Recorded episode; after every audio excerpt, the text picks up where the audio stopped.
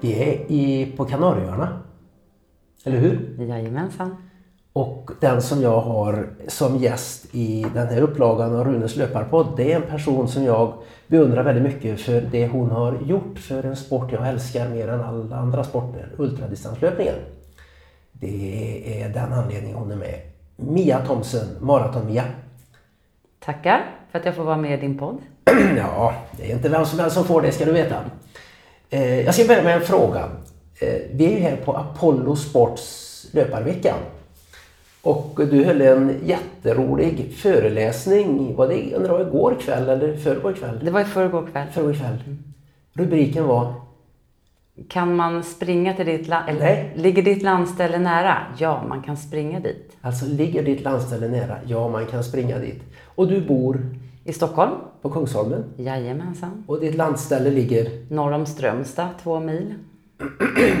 ja, det är ju inte vem som helst som kan springa till sitt landställe. Jag kan springa till mitt. Det är 11,5 kilometer hemifrån. Ja, det är 545 kilometer från mitt hem till landstället. Det är en av de många grejerna som gör dig till en, ja, Eh, jag tror att när idrottshistorien skrivs om hundra år om hur den där sporten, att de sprang långt, hur den tog fart och utvecklades i Sverige, då kommer man att skriva om dig, det är jag helt säker på. Och då till exempel eh, eh, kommer det kanske vara om det här där du sprang till ditt landställe. Kan du berätta om vad det var? Jag har tänkt många gånger sedan jag började springa att det vore kul att springa just till landet. Och då hade jag tänkt att jag skulle ta med mig ryggsäck och bo på vandrarhem och sådär. Men eh, så kom möjligheten via Jonas Davidsson och Max eh, Schelin som eh, frågade, du har väl ett landställe på västkusten, vi hade tänkt arrangera ett lopp. Skulle man kunna ha målgången i din stuga? Absolut, och då blev jag medarrangör till loppet Trans Sweden som gick 2018. Ehm, ja, det var fantastiskt att få uppleva samma väg via joggingskor och alla dofter och eh, synintryck istället för att åka bil hela vägen som jag har gjort sedan 1973 då jag började åka till, eh, till landstället. Då då var du inte gammal? Nej, då var jag inte gammal. Nej. Men eh, eh vad var det för sorts tävling då? Alltså, det, det, är inte vem det är inte en tävling. Hej! Eh, nu ska vi tävla men som först springer kommer till Mias landställe. Nej, riktigt så är det ju inte med de här människorna som väljer att eh, delta i sådana här lopp. Eh, Jonas har ju sprungit många lopp som heter just trans, att man tar sig från ena sidan av något till andra sidan av något.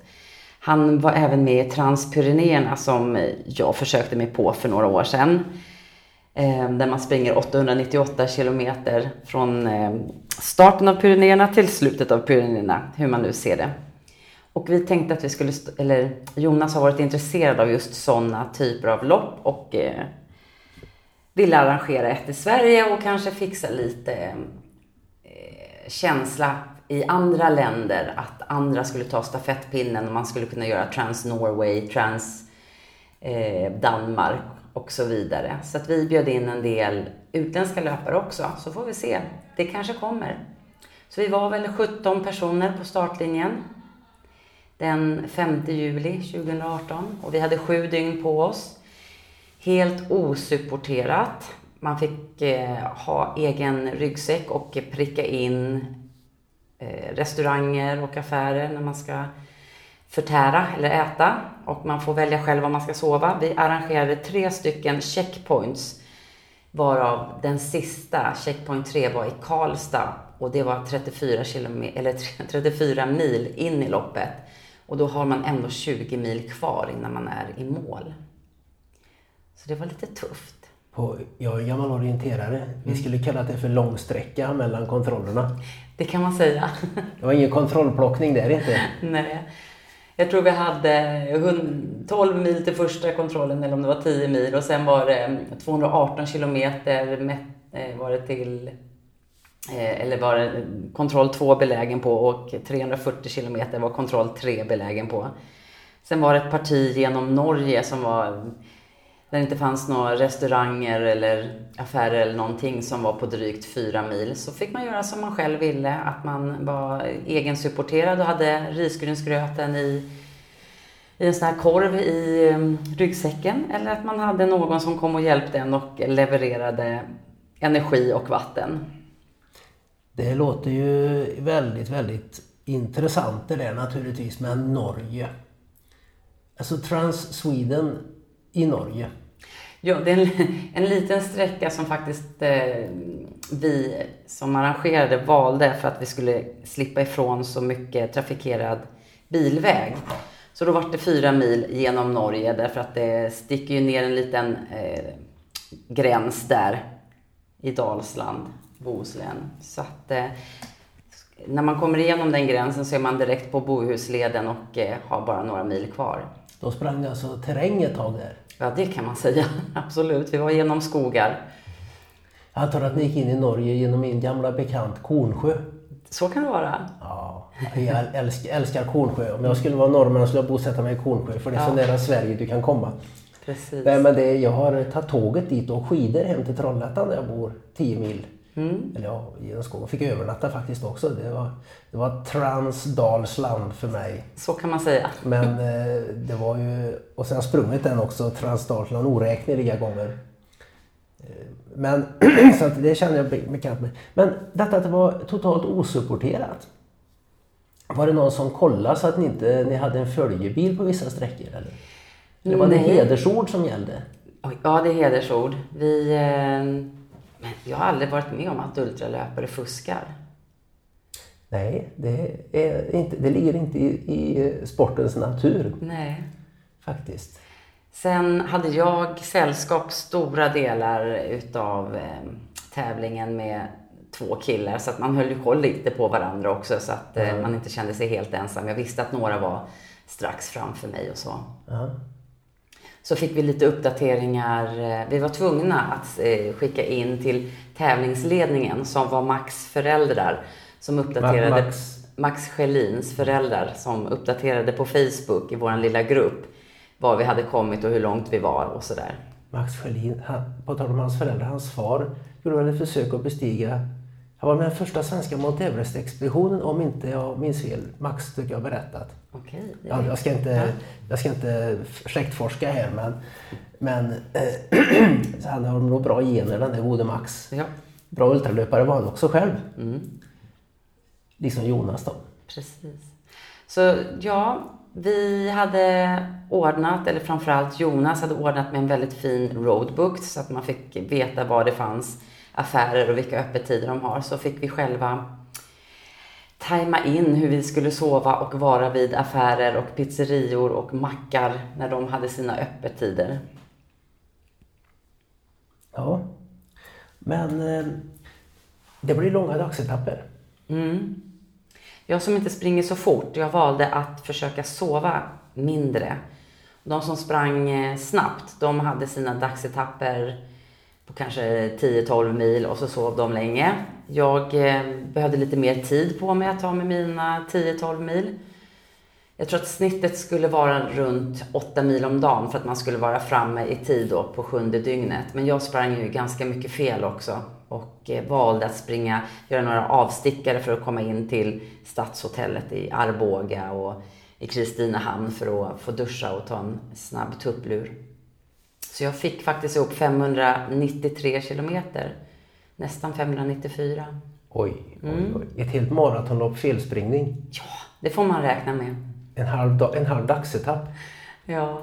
Men det, det, krävs ett enormt psyke för att inte bryta ihop under de omständigheterna. Ja, jag har just sprungit ett, en halvmara fel. Fast det tänkte jag inte på då för att eh, jag var inte så duktig på att hålla koll på hur långt jag skulle befinna mig. Jag bara tänkte jag hade skrivit upp alla etapper och eh, skrivit ut ehm, så här långt ska jag komma idag. Och då kunde idag vara ända till klockan tre på morgonen dagen efter. Ehm, huvudsaken var att jag började en viss tid igen. Så att eh, jag räknade bara mina etapper snarare. Ibland tog det lite längre tid och jag funderade väl inte så mycket över det just då förrän jag kom i mål och insåg att jag har eh, lagt på ganska många kilometer här. Mm. Om jag säger sommaren 2018, den minns jag ju som en otroligt varm sommar. Ja. Det var ju varmt hela tiden. Hur var det ute på vägarna då? Åh, jag har ju sprungit i öknen och det är lättare faktiskt med ett ökenlopp i värmen än att springa ute på vägarna där eh, asfalten är supervarm. Jag eh, tog ganska stor stryk utav värmen och eh, blev dizzy och drack väl inte så mycket som jag skulle under vissa timmar sådär. Så jag var tvungen att lägga om min strategi och springa så mycket som möjligt på sen eftermiddag, kväll och natt istället och försöka vila eller bara gå när det var som varmast. För jag tror att jag var mellan Valskog och Arboga så var det mellan 27-29 grader och då var vi också ute på trafikerad väg. Och då var det riktigt, riktigt hett. Det låter brutalt för jag minns ju den sommaren, det var väldigt många dagar och det var över 30 grader varmt. Alltså upp på 35 hade vi. Och det exponerade du dig till det och sprang då en 8-10 mil om dagen, Ja. dag efter dag. Hur många timmar per natt sov du ungefär? Eh, Jag försökte räkna Eller ihop. natt eller natt per dygn ska vi kanske säga. Ja, första dygnet sov jag ingenting, de första 24 timmarna. Och det var ju jättedumt. Så att eh, jag eh, la mig i skogen och sov 45 minuter. Efter ett och ett halvt dygn så skrapade jag ihop 90 minuter till. Ehm, och sen efter det så insåg jag att jag behöver sova mer för det här är inte bra. Jag började hallucinera och så på natten. Så jag började då sova tre timmars sträck i de sista dygnen. Tre timmar. Om man sover tre timmar så går man upp, då är man, känner man sig riktigt röten som man säger. Ja, förutom när man är i ett lopp, därför att man har väl det här kortisolpåslaget. Klockan slutar ju inte gå för att du går och lägger dig och sover, eftersom det inte är ett etapplopp. Klockan snurrar ju hela tiden, så när du vaknar så vet du, jag måste snabbt iväg igen. Det är inte en ny start om två timmar och du räknar ihop tiden, utan det är, eh, jag tror att det där kortisolpåslaget gör att du eh, piggnar till ganska snabbt. Blåsor. Skoskav. En blåsa på lilltån. Varför, varför håller ultralöpares fötter bättre än genomsnittsmänniskans? Jag vet inte. Jag tror att det, vi utsätter dem för så mycket och vi by, byter det här skinnet ganska ofta. Bättre och bättre? Ja, jag använder ju ett vattenfritt vaselin som heter Sportslick på mina fötter. Får aldrig skav. Det, de kan, eh, få skav, eller det jag kan få skav av, det är när de sväller i värmen. Eller om man har grus i, i skorna och sådär. Jag själv använder, har aldrig använt någonting. Vaselin, sportslick, eh, ingenting. Och jag får nästan aldrig skav, skav eller blåsor heller å andra sidan. Så att, Men det är väl det att vi, eh, vi blir härdade. Men jag vet en tjej som gick till fotvården innan hon skulle göra en sån där och putsa till fötterna jättefina, mjuka, uppsmörjda och sånt. De höll ju inte fem mil, sen var ju hon slut i fötterna. Precis. Så att man ska vara lite rå och härdad. Ja. Brutal. Ja, och sen, eh, vad, vad, vad var det värsta med det? Det värsta med loppet? Ja, Åh, det är som att föda barn. Man kommer inte ihåg någonting som var värst. nej, strunt i det. Det var det bästa med loppet. Det bästa med loppet, ja det var verkligen de här upplevelserna att den här sträckan som jag brukar åka med bil eller med tåg, att jag fick uppleva dofterna utanför och att jag hela tiden visste, jag tvekade aldrig. Det, ja, det var helhetsupplevelsen. Dofterna och eh, ljuden, ljuset och att få eh, vara ett med naturen. Och, men käk då? Ja, men det gick bra. Jag ham- hamnade i en dipp. Jag vet ju det. Jag är ganska duktig på att äta när jag springer. Jag är duktig på att äta när jag inte springer också. Ehm, jag var nere i en riktig dipp och eh, hade inte sovit ordentligt heller. Det var när jag var i Säffle. Och jag visste inte hur jag skulle ta mig vidare och jag tänkte jag kommer inte kunna ta ett steg till. In på McDonalds, en glutenfri hamburgare, pommes frites, en kopp kaffe och två milkshake. Och sen var jag igång igen. Det är, Energin är superviktig. Bränsle. Ja, Och sen tog det igenom Värmland, Dalsland. Mm. En liten sväng av Östfolds fylke. Ja. i Norge. Mm. Och så kommer du ner i Bohuslän. Och är totalt vilse. Telefonen är urladdad. Jag har ett fullt batteri som jag kan använda. Men har tappat kabeln. Vad skulle du med telefonen till?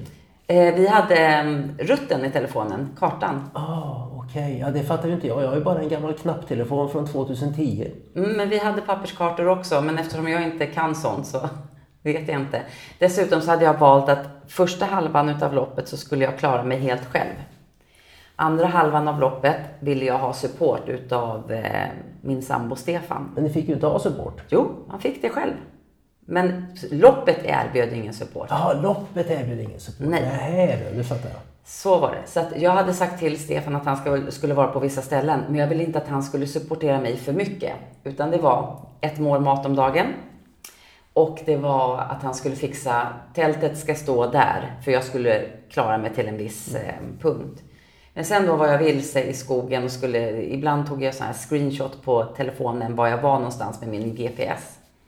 Men det kunde jag ju inte nu då, så att eh, jag var lite vilse där. Och tänkte att jag lägger mig och sover i diket en stund så blir det säkert bättre sen.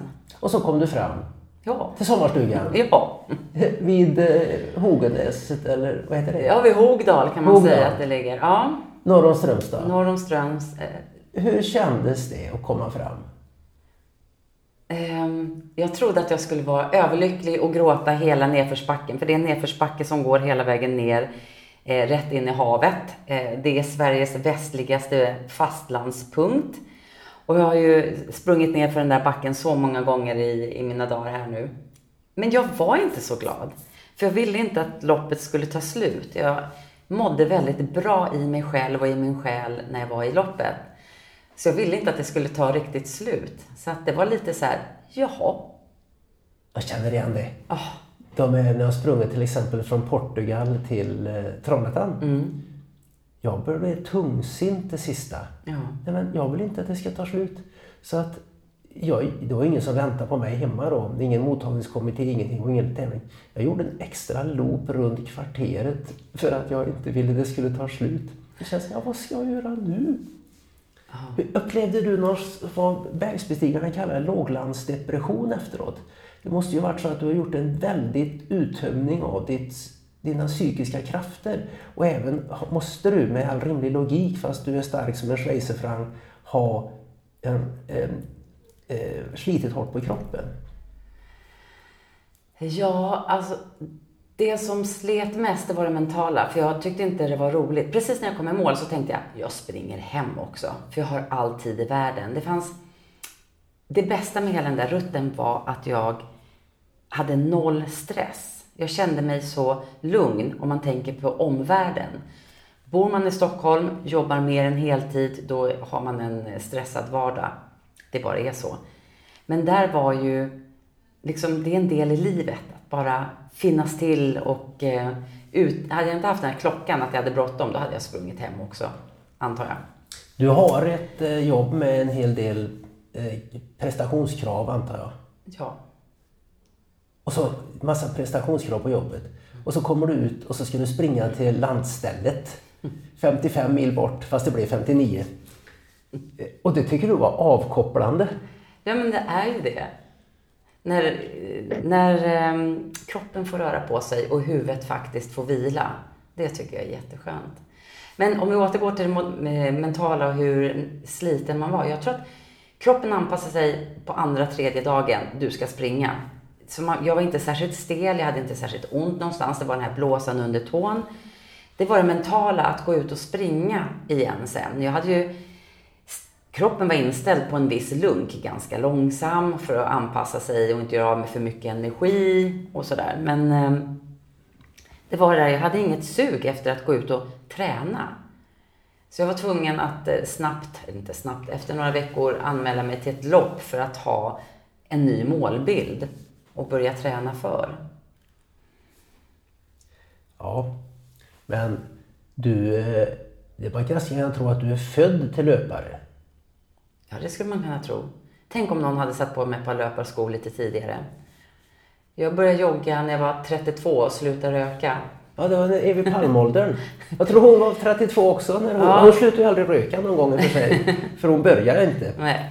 Men hon var ungefär den åldern när hon började springa. Mm. Ja, jag joggade lite grann då när jag var 32 istället för att röka. Jag ersatte cigaretterna med löpning. Men jag titulerade mig själv löpare när jag var 37 och började med ultralöpning när jag var 39. A late bloomer. Verkligen. Hur levde du ditt liv innan du började med löpning då?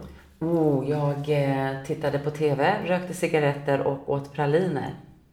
Ja, det låter som, en, låter som en fantastiskt trevlig livsstil under en kort tid. Ja, men det var det. Jag eh, var rätt överviktig. Så när jag var 26 år, eller då hade jag dragit på mig ganska mycket övervikt, vilket jag inte hade innan. Innan barnen var jag en normalviktig tjej. Jag tränade inte särskilt mycket. Sen skaffade jag två barn och plötsligt stod vågen på 92 kilo. Okunskap, hormoner eller vad det nu var, jag vet inte. Ehm, men då började jag i alla fall med att eh, ta bort den där, den där övervikten, för den var inte så bra att ha när man ska ha småbarn och leka. Och jag vill inte lägga på ett halvt kilo i månaden. Då vet man inte var jag hade slutat idag. Vi kan extrapolera den kurvan. Mm. Då hade du inte gått in genom dörren här. Nej. Precis. Ja. Och sen, eh, kroppen har ju förlåtit dig för alla dina cigaretter och praliner. Jag hoppas det. Ehm, Jag tänker att den har varit ganska, den har fått vila länge. Så nu eh, är det dags att väcka liv i den. Ja. Mm. Hur då? Ja, men att börja springa. Jag tänker att jag ska kunna springa resten av mitt liv. Att den inte går sönder. Försöka hålla mig så hel som möjligt. Du har ju gjort eh, en del grejer av ren extrem eh, uthållighetskaraktär.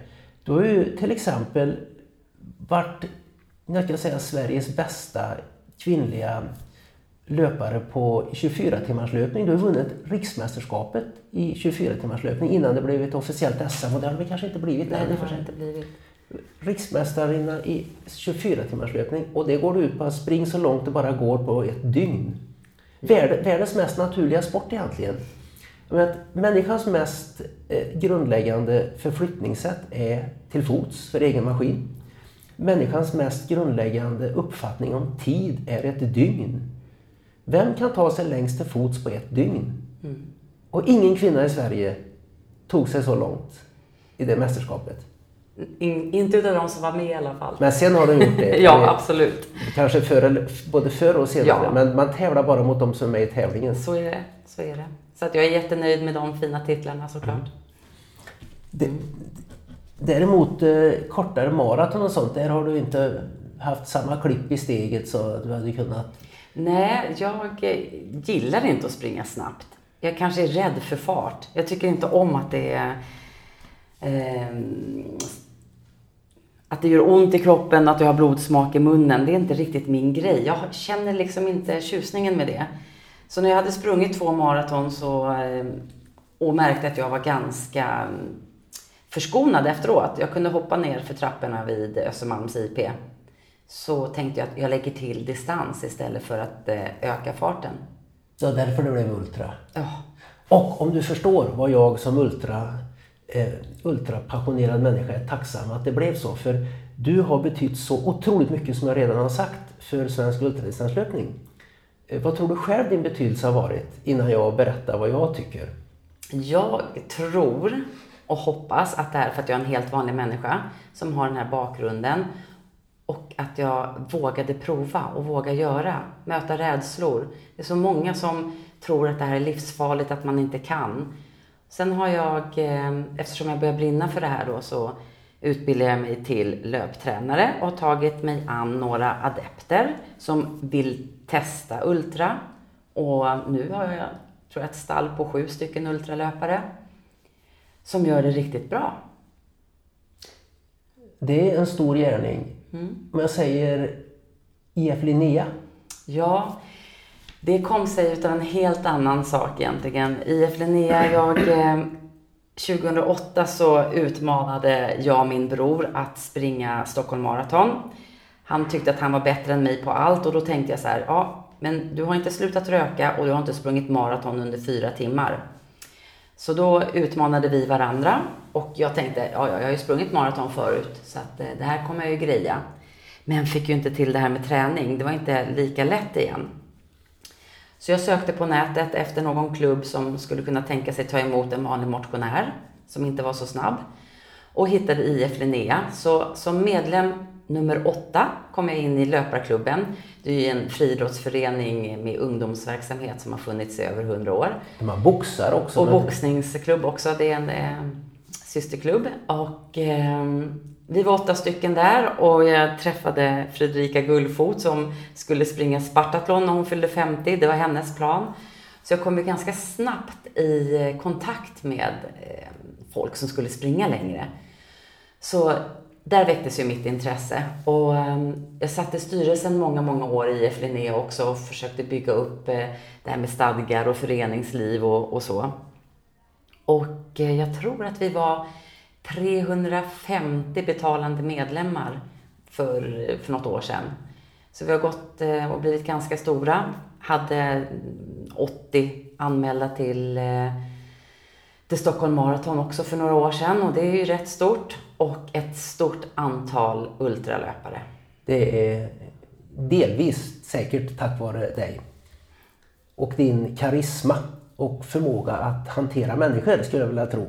Tack. Vilket jag har märkt av som vill. Vi har ju löparresor åt Apollo du och jag tillsammans. Ja. Och jag kunde knappt fråga efter en bättre sidekick än eh, dig. Så att det är därför jag förstår att ungefär varför det har blivit så bra. Och resor. Det har vi gjort några stycken. Ja, är det inte åttonde gången vi gör det här tillsammans? Ja. Jag tror det. Mm. Kul de här resorna. Ja, verkligen. Och, vad, vad, tycker du är det roligaste med de här resorna? Vilken, vilken grej när du kommer hem från att ha varit till exempel på Fuerteventura nu, La Parede med ja. Apollo. Det eh. roligaste är alla människor som gör det de inte trodde att de vågade eller kunde. Då är vi två om exakt det. Ja. Det roligaste som finns är ja. att, att tillhandahålla möjligheterna för människor att mm. överträffa sig själva. Jag tror att du, både du och jag är bra på det. Jag tror att vi, vi tjatar inte på någon heller. Nej. Nej. Och jag tror att det, det är så roligt att se när människor tar fram drivkraften hos sig själv istället ja. för att någon står och tjatar vid sidan om. Som Susanne som sprang 63 kilometer igår och hade bara sprungit 25 kilometer innan mm. och var med på passet idag också. Mm. Det är fantastiskt att se. Ändå är denna Susanne ingen rekordhållare. För mm. passet igår var ju 63 kilometer. Mm. Ett helt behagligt pass. Vi sprang från La Parade på västra sidan av Fuerteventura. Mm. På lite mycket grusväg, stigar, vandringsleder och lite asfalt. Över till andra sidan till Plaitas som är sån där ett, en kvadratkilometer stor lekplats för idrottsfascinerade människor. Mm. Där det finns allt. Mm. Och där åt vi lunch och badade i en pool. Och så sprang vi tillbaks. Ja. Och eh, det var inte märkvärdigare än så. Nej. Alla ut, alla hem. Eh, vi har ju haft någon som inte sprungit längre än 12 kilometer tror jag är rekordet. på Nej, det var Kristina Kristina ett år hade bara sprungit 11 kilometer innan hon kom med på löparveckan. Och hon sprang ju 6 mil ändå också. Ja, hon sprang också 63 kilometer. Och eh, mådde bra dagen efter. Ja. Det som var roligt med henne det var att hon hade bestämt sig för att hon skulle bara springa 15 kilometer för då blev det ju ett jättebra rekord. Sen märkte hon att vi gick i uppförsbackarna och då började hon ju räkna efter att då räknas det ju inte som att jag har sprungit 15 kilometer. Då måste jag nog springa några kilometer till. Men då börjar gruppen, ja men ska du ändå inte, om du redan är på 18 kilometer nu, ska du inte ta en halvmara? Jo men det ska jag. Och så efter halvmaran så, nej men jag är inte trött. Ja men då fortsätter vi. Så hon hela tiden flyttade sina egna gränser. Och det var kul att se hur hela gruppen hjälper till. Och det är ju någonting vi gör också, att stannar upp när folk gör sina distansrekord nu. Igår fick jag vara med och göra vågen tre gånger för folk som hade gjort distansrekord. Några som bara hade sprungit maraton innan. Och nu får jag inte säga bara maraton, för maraton är långt det också. Men eh, det var roligt. Det är det stora nöjet ja. med, med de här grejerna. Absolut. Din, din pionjärinsats eh, sträcker sig ju längre än så. Du har även varit pionjär på någon extrem uthållighetsevenemang som heter fotrally. Ja, och den har du också testat. Ja, det har jag gjort. Jag hade turen, fotrally, loppet där man går och går till sista man stupar. Eh, baserat på maratonmarschen av Stephen King. Som tur är så skjuts ingen i eh, den svenska upplagan utav tävlingen. Ehm. De hade gärna fått skjuta mig. så trött var jag. Jag, ja. jag mådde helt enkelt inte bra. Nej. Jag är för gammal för sånt nu. Och sen då är det alltså, man går 5 km i timmen. Du har en eh, farthållare längst fram, oftast en cykel eh, som håller 5 km. Längst bak i ekipaget så är det en bil med släp med bajamajor. Du har alltså 25 minuter bajamaja-tid per dygn per påbörjad 24 timmars intervall. Jag eh, har gått fotrally, kan det vara fyra gånger kanske? Och jag vann första gången jag var med. Då var vi inte särskilt många så jag fick inte heller bestämma sluttiden. Men då var jag urstark. Så att de som har vunnit nu de senaste åren, de har ju tider som är helt, ja det går inte att tänka sig ens. Jag var eh, landslagskapten för fotrallylandslaget och då hade vi två personer.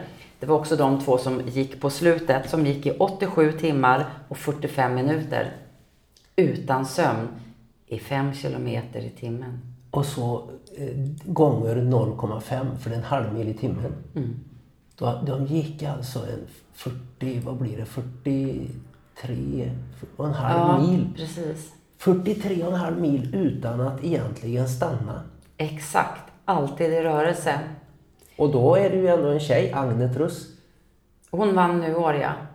Vann hon i år? Ja. Så hon är den andra tjejen. Förut, innan hon vann nu så var jag den enda kvinnan som hade vunnit loppet. Men hon har gått också 87?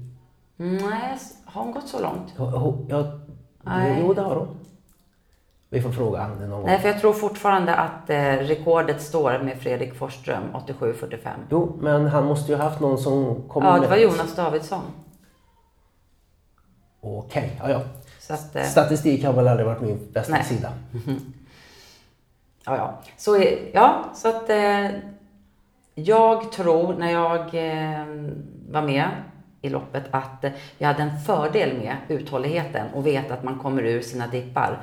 Plus att jag hade bra ultrafötter, för det är fötterna som tar koll på de flesta i fotrally. Mm. I mitt fall när jag gick fotrally så var det sömnen. Mm. Jag blev helt enkelt så fruktansvärt sömnig.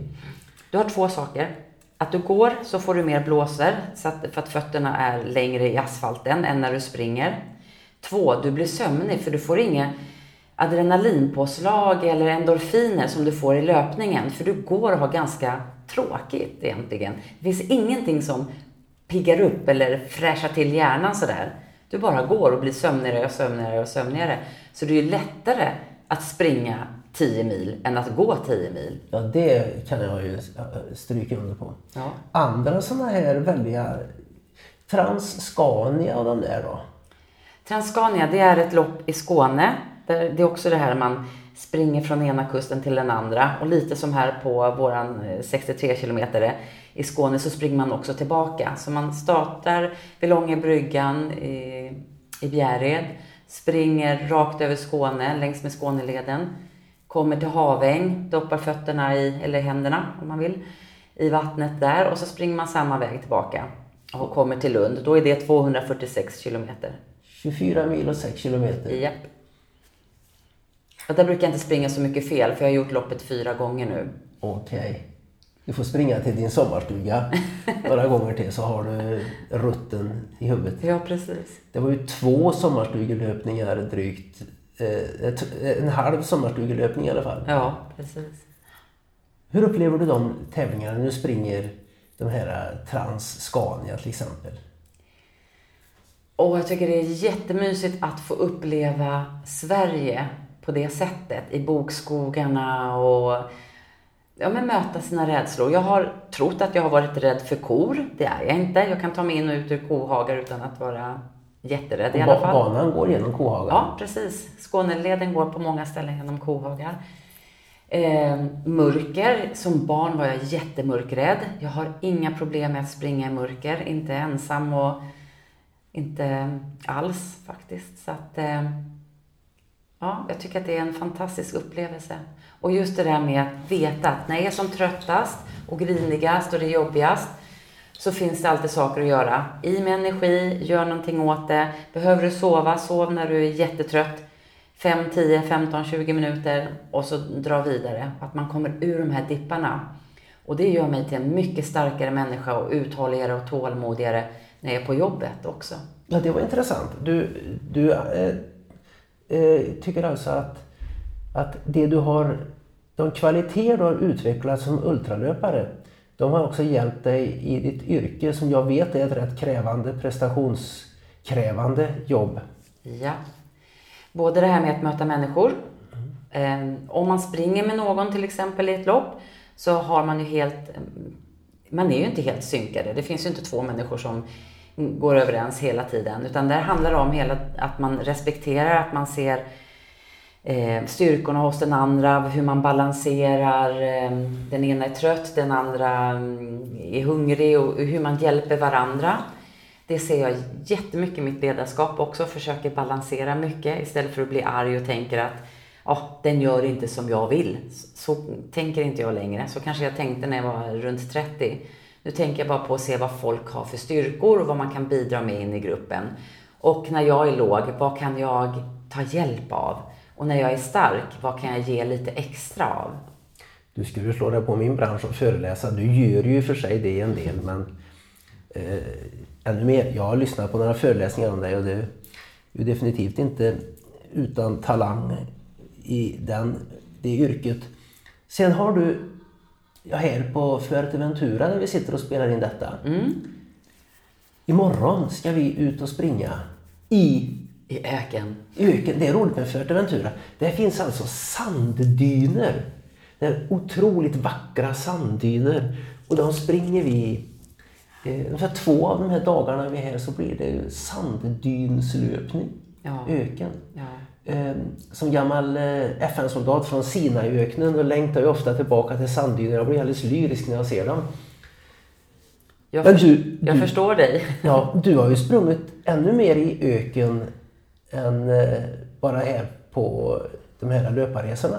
Ja, 2017 blev så här ett konstigt år. Först och främst när jag har varit på de här löparresorna med dig Rune, när vi var här och rekade för, var det fem, sex år sedan? Åkte vi runt på ön och så hade vi, vi hade gjort ett tränings eller ett veckoschema innan där vi hade skrivit eh, terränglöpning och så skulle vi hitta någon terräng som vi skulle springa i. Och vi blev ju alldeles glada när vi hittade just öken här, att det kan man ta med sig hem och ha en annorlunda terräng eller traillöpning. Och det var första gången jag kom i kontakt med det. Som den gamla asfaltsballerinan och maratonlöparen då, som bara har tränat på Kungsholmen, så blev ju det en jätteomställning. Fick också då förfrågan utav eh, Apollo om jag ville vara med på Marathon des Sables, halva varianten. Den som går i eh, Marocko har de gjort en liten kopia av här på ön. Och eh, jag var med i första upplagan utav den och den var 125 kilometer tror jag. Etapplopp, tre dygn, eller fyra dygn skulle det vara, men tre etapper. Så det var roligt. Jag var med på det och sprang väl hyfsat bra eftersom jag har eh, kartbilden på ön, den visste jag ju. Så att eh, den långa etappen som var, kan det varit 6-7 mil, den sprang jag nästan bäst på utav de här. Jag är ju inte snabb på de korta distanserna. Men hur som haver, efter loppet så gjorde de en utlottning utav eh, platser till Peru. Till Marathon de Sable i Peru, i Ica-öken, som ska vara den, en av de torraste öknarna i världen. Och de drar mitt namn. Och jag vinner en plats att springa 240, 250 kilometer genom öknen i Peru. Och det var det här loppet som var här på Fuerteventura var i september och det loppet skulle vara i november. Jag hade ingen semester kvar och jag blev lite rädd. Hur ska jag göra upplägget nu då? Men jag ringde till min chef och frågade om jag kunde få ta tjänstledigt i nio dagar, för det var vad det skulle ta att åka dit. Och eh, det fick jag. Eh, så jag kom dit och genomförde loppet. Det var väldigt, väldigt många som, jag tror att det var 40 procent som bröt. Oj, oj, oj.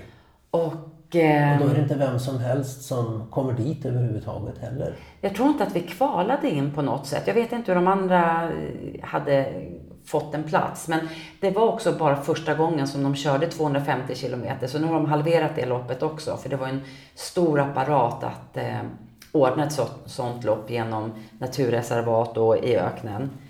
Vi hade uppemot 48 grader varmt. Eh, så man blev riktigt glad när sandstormen började på eftermiddagen. Så att det fläktade lite. Men eh, ja, det klarade jag. Och jag som aldrig har kampat i mitt liv, jag visste inte hur man eh, tände ett Trangia-kök innan jag hade träffat Jan-Erik Ramström som jag skulle springa över Pyrenéerna med.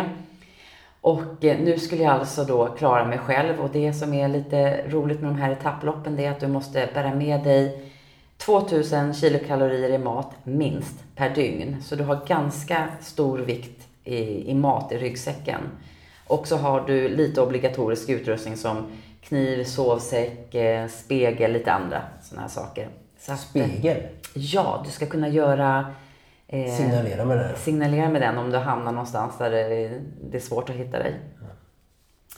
Men eh, ja, jag var ganska förvånad då i slutet på 2017 när jag insåg att jag har sprungit två ökenlopp. Vad är det här för någonting? Är det verkligen jag? Men eh, jag tyckte att det var en sån häftig upplevelse där i Peru så att eh, jag sneglar på andra lopp. Så nästa år när jag fyller 50 så ska jag fira det. Har gett eh, mig själv i, en pres- i present att springa i Namibiaöknen. 250 kilometer. Drömlopp. Ja, Alltså, nu har vi suttit här och pratat. Maria Thomsen heter du egentligen, men egentligen. kallas Mia Thomsen. Ja. Maraton-Mia. Ja. Ett eh, liksom artist och varumärke. Där.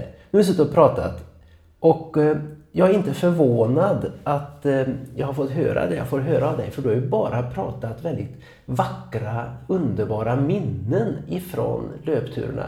Du har ju inte gjort någonting för att försöka bygga upp bilden av dig själv som superkvinnan som går ut där och lider och går igenom helvetet. Och, men jag klarar det ändå faktiskt. Utan du bara berättar om det vackra och roliga. Det så jag skulle vilja snurra på mig skorna igen och ge mig ut och springa precis när vi slutar detta. ja. Vad bra. Det kan nog vara därför som du har varit så framgångsrik på att vara en pionjär och varit med och bygga upp svensk ultradistanslöpning till det sporten är idag. Idag ser jag svensk ultradistanslöpning som, ursäkta jag säger det, en folksport. Det är inte de här fullbloden bara. Vi har några stycken i Sverige. Eh, I förhållande till vår befolkningsmängd, kanske fler än något annat land. Vi kanske är bättre än alla andra länder om man ser på folkmängd. Men vi har ju fått med så otroligt många underifrån så att säga. Ja. Sådana där som kommer och är 32 år och slutar röka och går ner i vikt och börjar springa och går ut och tycker att det här är så himla roligt. Och det håller jag med dig om. Det är så himla roligt. Eh, Jag får bara önska dig, för det första, jag börjar med att tacka än en gång för det du har gjort för, vad säger min sport, ultradistanslöpning. ja. Jag ser vad du har gjort och kommer att vara dig evigt tacksam länge. Och sen vill jag också önska dig, eh, tacka för att du kom med i podden och önska dig jättemycket lycka till med de här eh, att, att konsumera din 50-årspresent. Ja, men, det- Visst lever vi i en fantastisk tid. Eh, Jag tror när min mormor skulle fylla 50 år 1900, ja, mig, hon fyllde 50 år ungefär samma år som jag föddes, 1956. Jag kan inte tänka mig att hon ville ha en 25, ett 25 mils ökenlopp i Namiböknen i 50-årspresent. Kanske. Nej, det tror jag inte heller. Varför, varför, det var otänkbart för en 50-årig kvinna nu. Varför är det fullt tänkbart att en 50-årig kvinna ger sig själv ett, ett stenhårt ökenlopp i 50-årspresent? Ja, informationssamhället, vi vet vad som finns. Det är så mycket som vi kanske inte visste innan. Jag Jag tror, jag tror att det funnits ett antal personer som har hjälpt till att bryta ner mentala barriärer. Och där är du en av dem som har gjort, haft den största kofoten kanske, ursäkta mig, i Sverige. Så att för det tackar jag dig och så tack, hoppas jag önskar lycka till än en gång. Och så ses vi en annan gång. Tack så jättemycket Rune.